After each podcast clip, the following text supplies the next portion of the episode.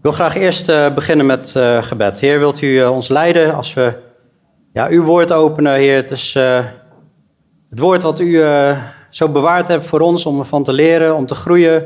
Heel de schrift is door u ingegeven, is nuttig om daarmee te onderwijzen, weerleggen, verbeteren en op te voeden in de rechtvaardigheid, zodat de mens die God toebehoort volmaakt zou zijn, tot ieder goed werk volkomen toegerust. Wilt u ons hier ook in leren, Heer, als we kijken naar het verhaal van Filippus met een, uh, een man die uh, ja, echt het evangelie uh, leert kennen. Heer, en wilt u ons de les hieruit geven, ons opbouwen en aanvuren en vullen met uw geest. Geef me alstublieft de woorden. Dat vraag ik zo in Jezus' naam. Amen. Amen. Ik heb de titel even genoemd, de schrift getuigt van mij. Want we zien in Handelingen 8 iets uh, heel bijzonders. Dat uh, Philippus, hij is een van de, laten we het diakenen noemen, die in, uh, in Handelingen 6 is aangesteld. Dat, dat waren mensen die, ja, een paar mannen die eigenlijk wel goed getuigenis hadden, waren vol van de Heilige Geest en wijsheid, die werden uitgekozen. je ziet dat Philippus, die is echt heel erg vurig voor de Heer. Die is die gaat als een malle door uh, Samaria, in het noorden van Israël. Is echt iedereen aan het vertellen over Jezus. Hij is eigenlijk heel erg succesvol in, op dat moment. En toch vraagt God hem op een bepaald moment, in vers 6, handeling 8, vers 26, een engel van de Heer sprak tot Filippus en zei, sta op, ga naar het zuiden, de weg op die van Jeruzalem afdaalt naar Gaza. Een weg die eenzaam is. Hij stond op en vertrok en zie een Ethiopiër, was een kamerheer en een machtige heer van de Kandake, of ik weet niet hoe je dat uitspreekt. Dat kan uh, Abbo waarschijnlijk beter uitspreken dan ik. Kandake, of zoiets. Maar in ieder geval uh, de koningin van de Ethiopiërs, die heel haar schatkist beheerde. En gekomen was om in Jeruzalem te aanbidden. Dus iemand die let op de centjes van de koningin. Dus een schatkistbeheerder. Wij noemen dat een minister van Economische Zaken. En die keerde terug en hij zat op zijn wagen en las de profeet Jezaja. En de geest zei tegen Filippus, ga er naartoe, voeg er bij deze wagen. En Filippus snelde er naartoe. Hoorde hem de profeet Jezaja lezen en zei, begrijpt u ook wat u leest? Maar hij zei, hoe zou ik dat kunnen, als niemand mij de weg wijst? En hij verzocht Filippus op de wagen te klimmen en bij hem te komen en bij hem te komen zitten. En het schriftgedeelte dat hij las was dit. Hij is als een schaap naar de slachting geleid. En zoals een lam stemloos is bij de scheerder, zo doet hij zijn mond niet open. In zijn vernedering is zijn oordeel weggenomen. En wie zal zijn afkomst vertellen? Want zijn leven wordt van de aarde weggenomen. En de kamerheer antwoordde Filippus en zei: Ik vraag u, over wie zegt de profeet dit? Over zichzelf of over iemand anders? En Filippus deed zijn mond open. En uitgaande van dat schriftwoord verkondigde hij hem Jezus. En terwijl ze onderweg waren, kwamen ze bij een water. En de kamerheer zei: Kijk, daar is water. Wat verhindert mij om gedoopt te worden? En Filippus zei: Als u met heel uw hart gelooft, is het geoorloofd. En hij antwoordde en zei: Ik geloof dat Jezus Christus de Zoon van God is. Hij liet de wagen stilhouden en ze daalden beiden af in het water zowel Filippus als de kamerheer. En hij doopte hem. En toen zij uit het water opgekomen waren, nam de geest van de Heere Filippus weg. En de kamerheer zag hem, zag hem niet meer, want hij vervolgde zijn weg met blijdschap. Maar Filippus werd aangetroffen in Asdod, ineens weer 20 kilometer verderop. Terwijl hij het land doorging en verkondigde hij het evangelie in alle steden, totdat hij in Caesarea kwam. Dat is een bijzonder, uh, bijzonder stuk, om meerdere redenen. Ik ga er zo, duik ik wat meer in dit stuk. Maar hier gaat natuurlijk iets aan vooraf. En wat daaraan vooraf gaat, daar wil ik even bij stilstaan. Want Filippus, die duikt hier zomaar met die man, met die kamerheer, zomaar midden in, de, in, een, in een schriftgedeelte, in Jesaja. En ik uh, heb hier al staan, ja, de, de schrift getuigt voor mij. Dat is iets wat Jezus heeft gezegd. En als wij de Bijbel openen in het begin, dan begint het met in het begin schiep God de hemel en de aarde. En we lezen in Colossense 1, in Hebreeën 1, in Johannes 1, dat dat Jezus was. Dat Jezus de schepper is van de hemel en aarde. Dus daar zien we Jezus al aan het werk. En de Bijbel eindigt met een nieuwe hemel en een nieuwe aarde. Dan zien we het nieuwe Jeruzalem. God is het licht en Jezus is de lamp. En, die, en, er is een stad en die heeft geen zon en maan nodig, hè, want God schijnt daar. Hè. Dus van het begin tot het eind zien we Jezus. Maar als we kijken in Lucas 24, hè, daar zijn er discipelen en uh, nou, Jezus is gestorven. Die zijn heel erg verdrietig en Jezus loopt met ze mee, maar na zijn opstanding herkenden ze hem niet. En, eh, en op een gegeven moment wordt het hun duidelijk dat Jezus naast hen loopt. En dan, en, of, of, dat Jezus bij hen is. En dan zegt hij tegen hen, dit zijn de woorden die ik tot u sprak toen ik nog bij u was. Dat alles vervuld moest worden wat over mij geschreven staat in de wet van Mozes, dat zijn de eerste vijf boeken van de Bijbel, in de profeten, dat is ook een heel groot deel van het Oude Testament, en in de psalmen. Toen opende hij hun verstand, zodat zij de schriften begrepen. En hij zei tegen hen, zo staat er geschreven, en zo moest de Christus lijden en uit de doden opstaan op de derde dag. En in zijn naam moeten onder alle volken bekering en vergeving van zonde gepredikt worden. Te beginnen bij Jeruzalem. Dus het is heel, heel belangrijk dat we de schriften begrijpen om te ontdekken wie Jezus is. En de schrift getuigt van Jezus. U onderzoekt de schriften, zei Jezus tegen de Joden. U denkt daar eeuwig leven te hebben. En die zijn het die van mij getuigen. Het is doordrenkt met profetieën, met vooruitwijzingen, met beelden van Jezus. Het begon natuurlijk perfect in de Hof van Eden en de Heer wandelde in de koelte van de avond bij de mens. De mens was in relatie met God, maar al heel snel zien we dat de mens misleid wordt en de dood die treedt in. We zien het vandaag de dag om ons heen. Nou, we hebben het op het nieuws gehoord van de week. Hè? De angst voor corona, angst voor de dood. Wat heel bijzonder is, is in dat verhaal Valt bijna niet op, maar God maakt ineens kleren voor ze. Hij had kleren kunnen maken van katoen, zoals wij dat vaak doen, maar hij koos ervoor om kleren te maken van een dierenhuid. Waarom deed hij dat? Wordt niet uitgelegd. Maar later gaan we meer begrijpen waarom hij dat doet. We zien later een verschrikkelijke ramp over, nog niet, eens zo heel veel verder in de Bijbel, Genesis 6, verschrikkelijke ramp over de aarde. De hersenspinsels van de mensen waren alleen maar slecht. De gedachten van hun hart waren alleen maar slecht. En God heeft miljoenen, mogelijk miljarden van de aardbodem laten verdwijnen. En dan heb je Noach, komt uit die boot en die offert daar dieren. Niet alle dieren waren twee en twee, sommige waren zeven aan zeven gegaan. Hij offert daar dieren. Maar waarom? Waarom moet zo'n dier geofferd worden? Vervolgens heeft God een plan met Abraham. En vanuit Abraham gaat hij een heel groot volk, het volk Israël, laten opkomen. Hij maakt een, een belofte met hen. Uit, hun. uit hem zal een zegen komen. Maar ook daarin zien we weer een heel bijzonder verhaal van, uh, dat hij zijn zoon moet opofferen. Dan gaat hij ze, met zijn zoon naar boven en zijn zoon vraagt, ja, waar, waar is dan het offer? En Abraham zegt, de Heere zelf zal voorzien in een lam. Maar uiteindelijk is daar een ram, hoeft hij zijn zoon niet op te offeren. En dat lam, dat blijft nog steeds een profetie. Maar waarom weer zo'n plaatsvervangend offer? We gaan dan verder naar het verhaal van Mozes met de spectaculaire uittocht uit Egypte. En God heeft een plan met dat volk Israël na 400 jaar vanaf dat hij Abraham beloofd heeft. Hij geeft hen een verbond, hij geeft hen de wet en in die wet toont hij zijn heiligheid. Hij laat zien dat er maar één God is en die moet je alleen aanbidden, niet voor andere goden en niet stelen en niet liegen en geen overspel plegen, niet begeren. En dat is zijn heilige eis. En we zien ook dat geen enkel mens die kan daar, zich daaraan houden. Bij die wet geeft hij, in totaal zijn het 613 geboden, hoe we tot God kunnen naderen, hoe de Joden tot God kunnen naderen, de Israëlieten, via een tabernakel. Waarbij we later leren in het Nieuwe Testament dat dit allemaal vooruitwijst, al die offers die wijzen vooruit naar Christus. Het vergieten van dat bloed. Zonder vergieten van bloed kan geen vergeving plaatsvinden. Er moet een, een, een offer voor de zonde, een prijs voor de zonde betaald worden.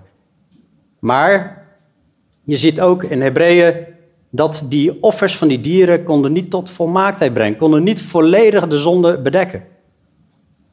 Uiteindelijk leren we in het Nieuwe Testament dat Jezus is het echte offer. Hij is ook het altaar, zegt Hebreeën 13. En als je je vertrouwen stelt in Jezus en zijn plaatsvervangend offer, dan word je gered en dan krijg je het eeuwig leven. En daarna hadden ze een koperen wasvat waar de priesters langs moesten. En dan zien wij in Efeze 5 dat we worden gereinigd met het badwater van het woord. Nadat we tot geloof zijn gekomen, staat, is dat een plaatje, een beeld van gereinigd worden met badwater van het woord. En dan heb je in die tent het licht van de gemeente wat schijnt. Dat zie je in Efeze 2 of in Openbaring 2 bij de gemeente van Efeze, dat het licht moet schijnen. De tafel met de toonbroden staat voor de voorzienigheid van God in het leven van de gelovigen. En uh, het reukofferaltaar, dat zijn eh, onze, onze lofoffers die wij spreken met de lippen zien we in Hebreeën. En dan heb je het heilige, de heilige, waar één keer per jaar de hoge priester in mocht gaan. En die deed dan verzoening voor het hele volk. En dat wijst natuurlijk naar het moment dat Jezus stierf aan het kruis. Alleen het grote verschil is dat Jezus zijn eigen bloed meenam. En de hoge priester nam bloed van dieren mee. Daarom scheurde ook het voorhang op het moment dat Jezus stierf aan het kruis. Omdat hij inging als grote hoge priester. Er werd verzoening gedaan op dat deksel. zien we in het Oude Testament. En het wordt, in het Engels vind ik het mooier naar voren komen hè, dan, dan de mercy seat. De, de troon van genade, waar het bloed besprenkeld wordt. En daarin, daar zit de wet, de wet die laat zien, alle mensen zijn zondig. Maar, en, en God is zo heilig, God kan hieraan voldoen. Dit is Gods rechtvaardige, heilige eis. Geen mens kan eraan voldoen, iedereen is zondig, maar God die besprenkelt ons met zijn bloed. Daar vindt verzoening plaats. Nou, de rest van het Oude Testament, dat gaat eigenlijk over de, de koningen. Maar dat ging helemaal niet zo goed op enkele koningen na. En dan komen er profeten. En, en die profeteren over oordeel, wat over al de volken gaat, zal, zal komen. En over een toekomstig oordeel over heel de aarde. Maar ook over een hoop, ook over een lichtpunt. En dat is de Messias. En daar staan de profeten staan daar helemaal vol van. Zoals bijvoorbeeld de profeet Jezaja. Een kind is ons geboren, een zoon is ons gegeven. En men noemt zijn naam uh, Sterke God, Eeuwige Vader, Vredevorst en de heerschappij rust op zijn schouders. Hij is de zoon, hij is God en hij is uh, de Vader. En daar wachten de Joden op, continu.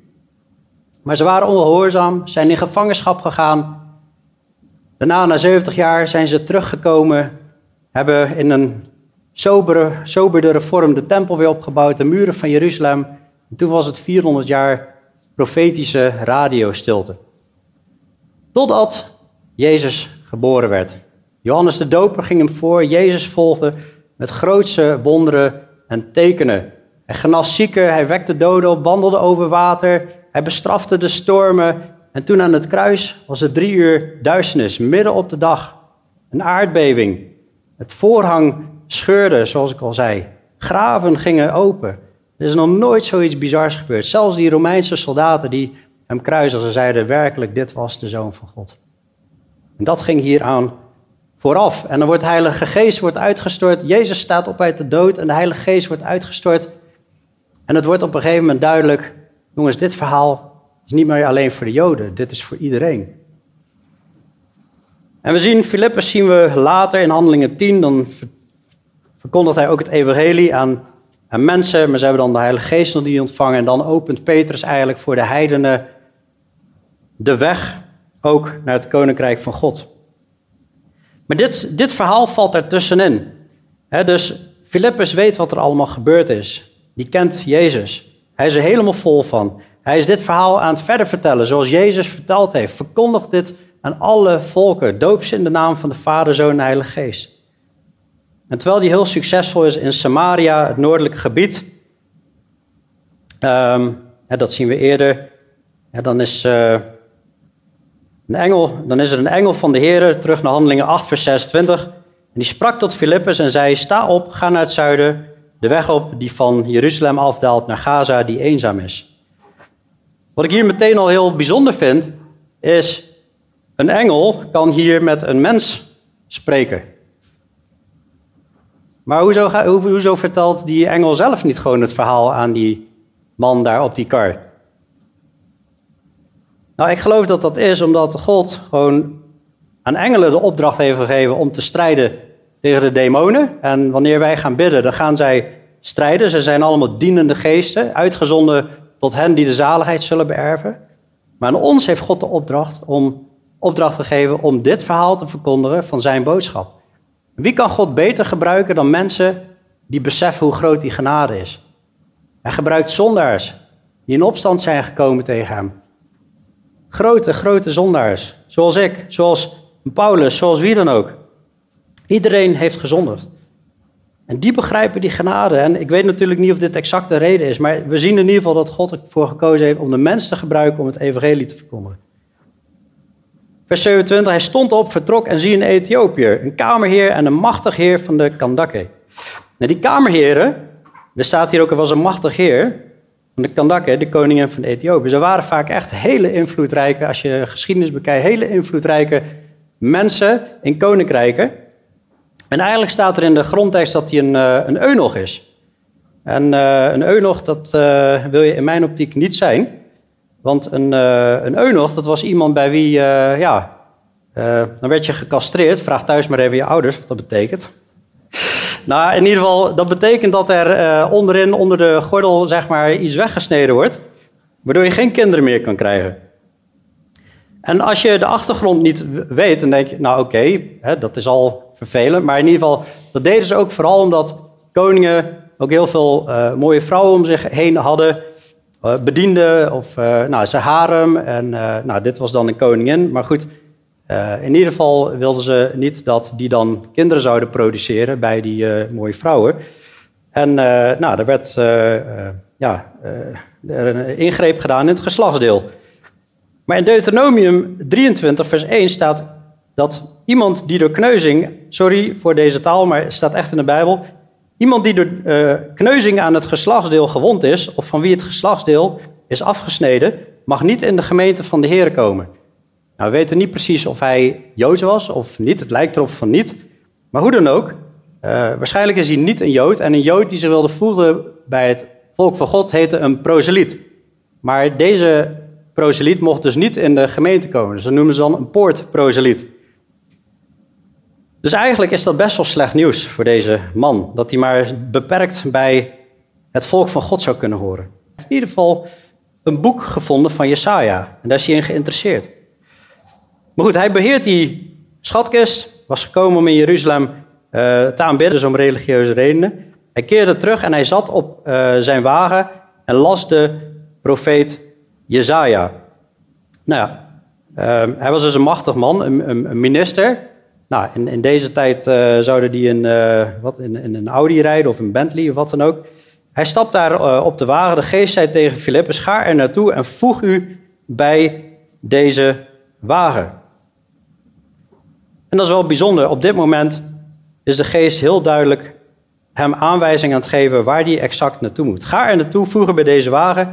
Filippus snelde er naartoe en hoorde hem de profeet Jezaja lezen en zei, begrijpt u ook wat u leest? Nou, hoe dat werkt met Gods stem verstaan en die dingen, um, daar heb ik andere preken over gegeven, wil ik nu niet heel uitgebreid op uh, ingaan. Maar ik moet wel zeggen dat uh, ik zelf ook wel eens van die, ik was, ik was 19 en wel zo'n moment heb gehad. En dat ik gewoon echt van binnen zo'n drive kreeg in één keer om, dat ik echt gewoon, ik moet die man het evangelie vertellen. Dat was, uh, ik had het in mijn bol gekregen, we woonden in Arnhem, om van Arnhem naar Leeuwarden te gaan fietsen, naar mijn, uh, naar mijn oma. Dat toen topconditie, ik fietste heel veel. En uh, nou, in ieder geval, er kwam iemand langs op een brommer en achter op zijn rug stond Neophyte. En Neophyte, dat was, in die tijd was dat een, ja, dat was gabbermuziek noemden ze dat dan. Dat is van die muziek die echt, nou, gaat super snel. Maar die hadden een cd geproduceerd, Neophyte leeft en Jezus beeft. En dat was een reactie op allemaal van die evangelisten die naar van die concerten van hun kwamen. En uh, ja, mensen over Jezus begonnen te vertellen, want het was extreem duivels, uh, die muziek. En uh, daarom hadden ze die cd uitgebracht om, als tegenreactie. Maar ik was dus op mijn fiets, die brommer die haalt me in en ik kreeg het zo op mijn hart om deze man over Jezus te gaan vertellen. Dus ik, ik kreeg zo'n kracht om keihard te gaan fietsen en haalde hem, haalde hem mensen. Ja, mag ik, je, mag ik je wat vertellen? Ik zie je jas over Neophyte en uh, ik ken die cd over, over Neophyte uh, leeft en Jezus beeft, maar ik wil je echt graag een verhaal vertellen over Jezus, dat hij echt leeft. En mag ik je vertellen waarom? Nou, en dat was uh, heel gesprek. Ondertussen fietsen. Maar uh, ja, ik weet niet of iemand dat, zulke momenten herkent. Ik heb dat niet elke dag, maar nou, in ieder geval... Filippus moet naar deze man. Ga naartoe, voegen bij deze wagen.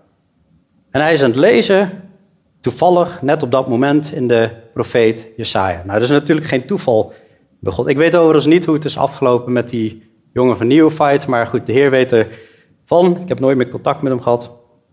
En uh, hij, hij, hij, leest de profeet Jezaja. En als we dan naar Jezaja gaan, en voor velen zal dit bekend zijn, maar het komt uit Jesaja 53. Dat is zo bijzonder dat je eigenlijk gewoon het evangelie, het goede nieuws van Jezus, zie je gewoon in het Oude Testament staan. Ze hadden toen nog geen, uh, geen Nieuw Testament, dus ze legden het evangelie uit aan de hand van het Oude Testament. En dan zie je Jesaja 53, wie heeft onze prediking geloofd? En aan wie is de arm van de Heer geopenbaard? Hij is als een lood, als een tak is hij opgeschoten voor zijn aangezicht, als een wortel uit dorre aarde. Gestalte of glorie had hij niet, zijn uiterlijk zag er niet uit, staat hier. Als we hem aanzagen, was er geen gedaante dat wij hem begeerd zouden hebben. Hij zag er zo misselijk uit. Hij was echt, het was afstotelijk. Die, dat was niet meer begerenswaardig. Hij was veracht, de onwaardigste onder de mensen. Een man van smarten, bekend met ziekte. Hiermee wordt bedoeld met, met ellende en met smart. En als iemand voor wie men het gezicht verbergt. Hij was veracht en wij hebben hem niet geacht. Voorwaar, onze ziekte heeft hij op zich genomen. Ons leed heeft hij gedragen. Wij hielden hem voor een geplaagde, door God geslagen en verdrukt. Maar hij is om onze overtredingen verwond, om onze ongerechtigheden verbrijzeld. Is dat heel duidelijk dat hij om onze zonde moest sterven. Om onze ongerechtigheden verbrijzeld. En de straf die ons de vrede aanbrengt, was op hem. Wat, dit is zo belangrijk. En door zijn striemen is er voor ons genezing gekomen. Dus God laat zijn zoon sterven. God laat hier iemand sterven. We weten dat dit over Jezus gaat. Om onze overtredingen verwond, om onze ongerechtigheden verbrijzeld. De zoon van wie hij zo ontzettend veel houdt. Hij heeft zijn enige geboren zoon gegeven. Verbrijzeld. En, en, en de straf die ons de vrede aanbrengt was op hem. De, dit is het plaatsvervangende offer. Het plaatsvervangende offer. Er moet een prijs betaald worden voor de zonde. En er is een straf, maar die straf die komt op Jezus. Hij wordt verbrijzeld om onze overtreding. En die, die brengt vervolgens ons vrede aan. Dus hij neemt de zonde op hem en wij krijgen de vrede als wij in hem geloven. Door zijn striemen is er voor ons genezing gekomen. Nou, gaat dit dan over, uh, is er genezing gekomen, wij zullen nooit meer ziek worden hier op aarde? Nou, ik geloof dat wij daar uh, een, een, antwoord uh, op krijgen. In 1 Petrus 2, vers 24, daar wordt eigenlijk uitgelegd waar dit over gaat. Die striemen, door zijn striemen is er voor ons genezing gekomen. Het gaat over Christus die zelf onze zonde in zijn lichaam heeft gedragen op het hout, zodat wij voor de zonde dood, voor de gerechtigheid zouden leven, zodat, zodat we nu de goede dingen van God mogen gaan doen. Door zijn striemen bent u genezen. en dat is voor de zonde dood. Want u was als dwalende schapen, maar u bent nu bekeerd tot de herder en opziener van uw zielen. Dus die uh, genezing, door zijn striemen is er voor ons genezing gekomen. Dat gaat over verlost worden van de zonde, niet meer een dwalend schaap zijn, maar bekeren, bekeren tot de herder en de opziener van de zielen. Wij dwaalden allen als schapen. Wij keer, eh, Jesaja 53, vers 6. Wij, wij dwaalden allen als schapen. Wij keerden ons ieder naar zijn eigen weg. Iedereen doet wat goed was in zijn eigen ogen. Dat zien we zo vaak in het Oude Testament terug. Dat iedereen deed wat recht was in zijn eigen ogen. Maar de Heer heeft de ongerechtigheid van ons Elke leugen. Elk snoepje wat je hebt gestolen. Elke illegale download. Met begeerte gekeken naar iemand waar je niet mee getrouwd bent. Begeer in je hart. Al die ongerechtigheden. Gods naam verkeerd gebruiken. Je vrouw verkeerd behandelen. Een broeder of zuster. De Heer heeft de ongerechtigheden van ons allen op hem doen neerkomen. Toen betaling geëist werd, werd hij verdrukt. Maar hij deed zijn mond niet open. Dit was de dag. Dit was de dag van de betaling van de zonde. Als een lam werd hij ter slachting geleid. Hij had twaalf legioen engelen kunnen aanroepen om, om, al die Romeinen te vernietigen. Maar hij hield zijn mond dicht, als een schaap dat stom is voor zijn scheerders. Zo deed hij zijn mond niet open. Hij is uit de angst en uit het gericht weggenomen. En wie zal zijn leeftijd uitspreken? Hij was jong. Hij is afgesneden uit het land van de levenden. Om de overtreding van mijn volk is de plaag op hem geweest. Men heeft zijn graf bij de goddelozen gesteld. Hij stierf aan het kruis. Hij is bij de rijken in zijn dood geweest. Jozef van Arimathea die kocht een, een mooi graf voor hem, omdat hij geen onrecht gedaan heeft. En geen bedrog is in zijn mond geweest. Er zijn zoveel profetieën in dit hoofdstuk, zo ontzettend veel, die allemaal in vervulling gaan wanneer, wanneer Jezus komt. Maar het behaagde de Heer hem te verbrijzelen. Dit, dit was goed in Gods ogen. Het behaagde hem om hem te verbrijzelen. Hoe kan dat? Hoe kan het God behagen? Ik probeer me zo vaak in te leven hoe het mij zou kunnen behagen om Josai of om, om te, te verbrijzelen om de ongerechtigheden van anderen. Is niet voor te stellen. Maar dat betekent toch dat God zo'n ongelooflijk grote liefde voor ons heeft. Dat het God behaagt hem te verbrijzelen voor ons. Hij heeft hem ziek gemaakt. Als zijn ziel zich tot een schuldoffer gesteld zou hebben, zal hij nageslag zien. Ik ga niet alles in detail uitleggen. Hij zal de dagen verlengen. Het welbehagen van de Heer zal door zijn hand voorspoedig zijn. Om de moeitevolle inspanning van zijn ziel zal hij het zien. Hij zal verzadigd worden.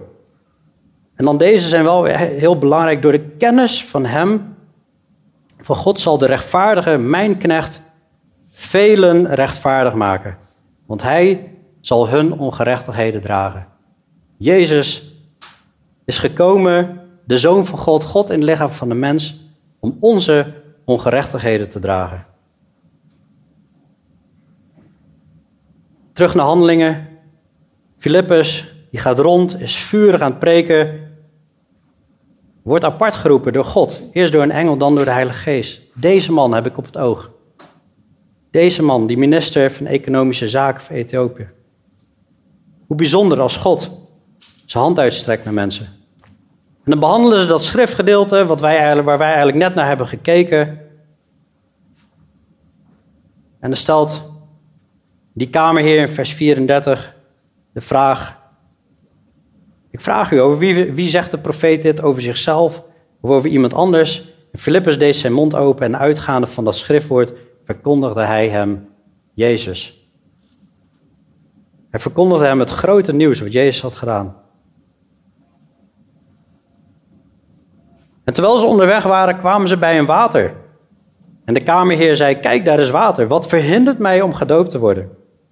En zo mooi is dat, hè? Gewoon, je gelooft. Je gelooft in de Heer Jezus. In de Bijbel zie je, ze werden ook meteen gedoopt.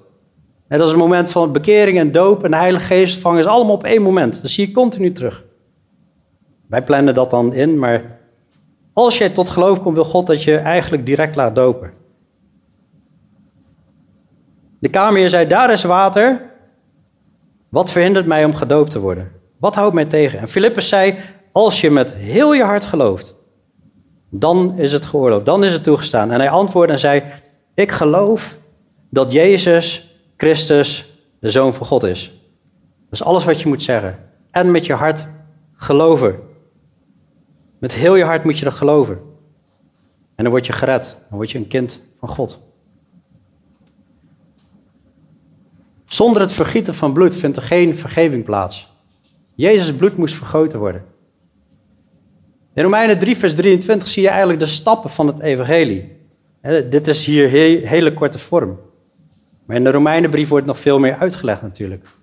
Allereerst, alle hebben gezondigd en missen de heerlijkheid van God. De aanwezigheid van God. Er worden om niks gerechtvaardigd, je wordt om niks wordt het goed gesteld tussen jou en God door zijn genade, door zijn cadeau door de verlossing in Christus Jezus. Het is belangrijk om te beseffen dat het loon van de zonde is de dood. Dus iedereen heeft gezondigd en gaat die prijs betalen. Niet alleen maar sterven in het lichaam. Als je Jezus niet hebt aangenomen, is het sterven. Openbaring 20 spreekt over de tweede dood. Dat is het eeuwige oordeel in een poel van vuur. Dat is het loon van de zonde. De echte oorzaak van het coronavirus is de zonde. Het loon van de zonde is de dood. De zonde heeft alle ziekte veroorzaakt. Het loon van de zonde is de dood. Maar de genadegave van God is eeuwig leven door Jezus Christus onze Heer. Het is zo belangrijk om te beseffen dat het voor de mens gesteld is één keer te sterven. En daarna komt het oordeel. Als je met je mond de Heer Jezus beleidt, is het goed om te beseffen wat, wat er staat. Dan, dan erken je dus dat Jezus Heer is. Dat Hij de Allerhoogste is. En jij ondergeschikt bent aan Hem. Dat Hij het voor het zeggen heeft. Met de mond de Heer Jezus beleiden. En met je hart geloven dat God Hem uit de doden heeft opgewekt. Als je dit gelooft, met je hart, dan zul je gered worden. Want met het hart gelooft men tot gerechtigheid en met de mond beleidt men tot zaligheid. Het is zo'n simpel verhaal, maar zo krachtig. Het evangelie is de kracht van God tot behoud voor ieder die gelooft. En dan is er geen verdoemenis voor hen die in Christus Jezus zijn, die niet naar het vlees wandelen, maar naar de geest. Dan ga je ook in zijn weg wandelen.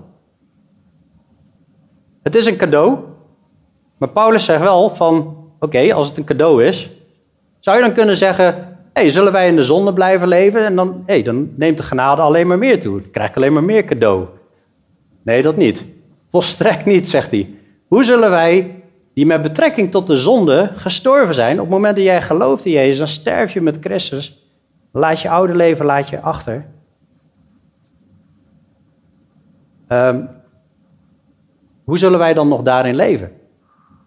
Of weet u niet dat wij allen die in Christus Jezus gedoopt zijn, in zijn dood gedoopt zijn? Wij zijn dan met hem begraven door de doop in de dood, opdat evenals Christus uit de dood is opgewekt tot heerlijkheid van de Vader, zo ook wij in een nieuw leven zouden wandelen. Nou, ga je verder lezen in vers 6, dan, we zijn met Christus zijn we gekruisigd. Dus als jij gekruisigd bent, daar hangt het kruis, als je gekruisigd bent, dan sterf je. En dan heb je een lijk, je oude mens, en die moet begraven worden. Die wordt hier straks begraven van meerdere jongelui. En dat is ook je oude leven afleggen. Je gaat dan niet meer door in de zonde, zodat je de genade nog meer toeneemt. Colossense 2 vers 12 zegt, u bent met Christus begraven in de doop, waarin u ook met hem bent opgewekt. Door het geloof van de werking van God, die hem uit de dood heeft opgewekt. Dus een voorwaarde voor de doop is het geloof. Daarom dopen wij alleen maar mensen op basis van het geloof. Dit vers sluit babydoop volledig uit. Als je de Bijbel oprecht en eerlijk wil lezen, dan kom je erachter dat je alleen maar gedoopt kan worden op basis van het geloof. We hebben vorige week onze buurman mogen dopen, die als, in onze achtertuin, die als baby gedoopt was en gewoon het zelf gelezen had in de Bijbel. Hij zei, oh, ik, ik, ik kan niet anders, dit is gewoon waar. De schrift getuigt van Jezus. En dit is het grote verlossingplan. Dit is het evangelie. Wat moet hij doen? Geloven dat Jezus Christus de Zoon van God is. Vol in de rem, vers 38, hij liet de wagen stilhouden. Ze daalden beide af in het water, zowel Filippus als de kamerling, kamerheer, en hij doopte hem. En toen zij uit het water opgekomen waren, hier is ook heel duidelijk, ze gaan onder water, komen uit het water op. Of ze gaan, ze gaan het water in, hij doopt hem. Dopen betekent overigens ook letterlijk in de grondtekst onder water gaan, onderdompelen. Toen zij uit het water opgekomen waren, nam de geest van de Heer Filippus weg. En de kamerheer zag hem niet meer, want hij vervolgde zijn weg met blijdschap. Wat een blijdschap geeft dat als je en dat is meteen ook de vraag voor mensen die langer in Jezus geloven. Ben je nog, ben je nog blij met het evangelie? Het is een enorme, geweldig verhaal dat God ons gekocht heeft van de eeuwige pool van vuur, onze zonde betaald heeft. Er is zo'n intense blijdschap in. En die blijdschap mogen we ook behouden. Jezus zegt in het verhaal van de ware wijnstok, als je in, mijn, in, mij, in mij blijft, in mijn liefde? Hoe doe je dat door in mijn woorden te blijven? Hoe doe je dat door mijn woorden in acht te nemen? Dan zal je blijdschap volkomen zijn. Deze man is zo, zo blij dat hij gered is. Maar ook wel bijzonder dat God had Filippus nodig voor dat moment en daarna gaat die kamerheer verder. Hij vervolgde zijn weg met blijdschap. Je leest verder niks meer over die man. Heel bijzonder. En dan denk je, ja, maar hoe zit het met de nazorg? En waar gaat hij dan een gemeente vinden? En uh, we hadden er wel kerk eigenlijk in, in Ethiopië. Maar misschien heeft God deze man wel gebruikt, ik weet het niet. Een machtig heer. Hij zit op de centen van Ethiopië om een paar evangelisten te halen, een paar kerkplanters en kom hier het evangelie verkondigen. We weten het niet, maar ja, God is natuurlijk wel heel wijs. Maar dat laatste vers is ook niet onbelangrijk. Maar Filippus werd aangetroffen in Asdod en terwijl hij het land doorging, verkondigde hij het evangelie in alle steden totdat hij in Caesarea kwam. Dat is 20 kilometer verderop. En hij ging het land weer door en hij gaat maar door. Wat is deze man gedreven, vol van de Heilige Geest? Hoe kunnen wij zo vol van de Heilige Geest zijn? Nou, elke dag Gods woord lezen, elke dag veel bidden, zingen, de onderlinge bijeenkomst niet nalaten. Hier word je opgebouwd. En dan word je vervuld door de Heilige Geest. En deze man leerde ervan hij is onder, hij, terwijl hij het land doorging, verkondigde hij het evangelie in alle steden. We mogen van elk, elke gelegenheid gebruik maken. Terwijl je reist ondertussen het evangelie verkondigen. Totdat hij in Caesarea kwam. En als wij God moeten liefhebben eerst, en onze naast als onszelf. Maar het eerste gebod is God liefhebben en het tweede hieraan gelijk is je naaste als jezelf. Maar toch één en twee dan hoe zit het met onze naasten? Zijn wij bezig het evangelie te verkondigen? Als wij dit verhaal echt geloven, als we dit verhaal echt geloven dat onze medemensen verloren gaan naar een pool van vuur, probeer je in te denken dat je zelf in, in een omgeving van vuur zit en dat gebeurt met jouw geliefde. Dat is waar Jezus continu op hamert. We hebben vorige week nog gezien tussen het verhaal in met laten kinderen tot mij komen en, en dat we moeten worden als kinderen, heeft Jezus een keiharde boodschap in Matthäus 18. Houden wij echt van onze naasten, dan vertellen wij hun dit verhaal. En Onno zei, zei altijd heel mooi van, hè, of je gelooft het niet echt, of je houdt niet echt van ze. Welke andere opties zijn er? Als je dit echt gelooft, dit evangelie, dan kun je toch niet blijven zitten dat is vreed. Het is echt zo vreed om anderen, je collega's en je geliefden en je buren, om dat niet te vertellen. Dat kan toch niet? Maar laten we een voorbeeld nemen aan die Flippers die zo vol is van de Heer. En hoe mooi als jij vol bent van de Heer en bereid bent om te gaan, hoe God je dan naar links en naar rechts stuurt en allemaal wegen laat zien. En zo kom je deze geweldige verhalen tegen. Dus de reden dat we de kinderen hier gaan dopen straks, is omdat zij het evangelie hebben geloofd. Prijs de Heer. En uh, ja, jullie zijn, wat zijn de leeftijden? Als, ik, hoop, ik dat ik het goed ga zeggen. Tussen 9 en 10? En nee, ook nog ouder, hè? Ben, je al 12 of 11? Bijna 12, oké. Maar ik vind het zo mooi, deze leeftijden. Want... Uh, Heel vaak zie ik op oudere leeftijd dat, dat, dat mensen gedoopt worden. Maar als ik besef dat, dat deze kinderen al meerdere jaren hier onderwijs volgen en bij de preek erin zitten, dat doet iets met je. Dat zet je aan het nadenken. En dat raakt je. die kinderen hebben vrijwillig gekozen om zich te laten dopen. Natuurlijk roepen we daar vaak toe op, maar wij dwingen niemand. Het is een vrijwillige keus om te geloven.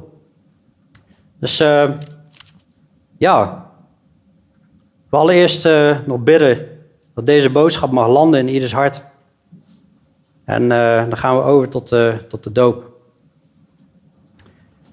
Heer, wat een, wat een man, die Filippus.